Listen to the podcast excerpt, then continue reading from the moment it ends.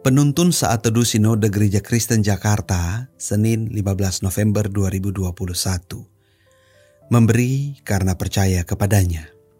Markus 12 ayat 44. Sebab mereka semua memberi dari kelimpahannya, tetapi janda ini memberi dari kekurangannya, semua yang ada padanya, yaitu seluruh nafkahnya. Pernahkah Anda menonton video yang memperlihatkan kerelaan memberi antara orang berpunya dan yang tak berpunya? Ada video yang memperlihatkan bahwa orang-orang yang kurang mampu, homeless, lebih gampang memberi bantuan, uang atau makanan kepada orang papa yang meminta bantuan kepada mereka dibandingkan dengan orang yang mapan. Kemungkinan besar alasan mengapa para homeless dapat bertindak seperti itu karena mereka menganggap bahwa mereka pun hidup dari kemurahan orang lain. Sehingga ketika mereka diminta untuk berbagi, mereka akan lebih peka untuk menolong dan memberi. Nas ini mengisahkan seorang janda miskin yang memberi persembahan kepada Tuhan dengan semua nafkahnya. Pertanyaannya, mengapa janda miskin ini berani memberi persembahan kepada Tuhan dengan semua nafkahnya? Jawabannya adalah karena janda ini memiliki kepercayaan kepada Tuhan sebagai Allah yang tak akan membiarkan dirinya mati kelaparan. Janda miskin ini pasti punya pengalaman hidup bersama Tuhan. Teristimewa saat berurusan dengan pemberian persembahan kepada Tuhan.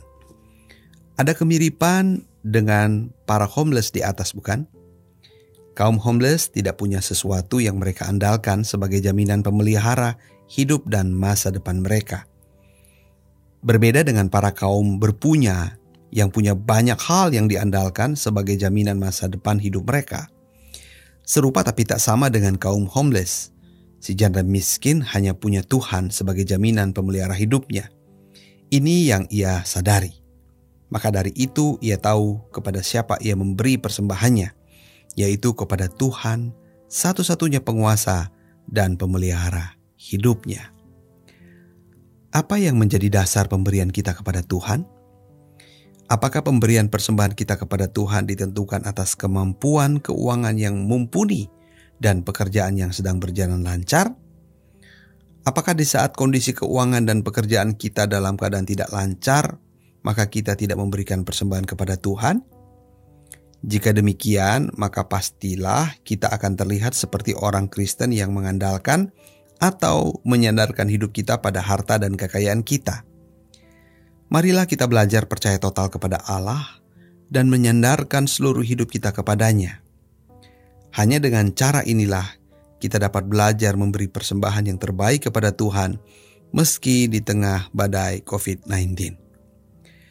Menaruh kepercayaan yang sungguh kepada Allah adalah kunci terpenting pemberian persembahan terbaik kita kepada Tuhan. Tuhan Yesus memberkati.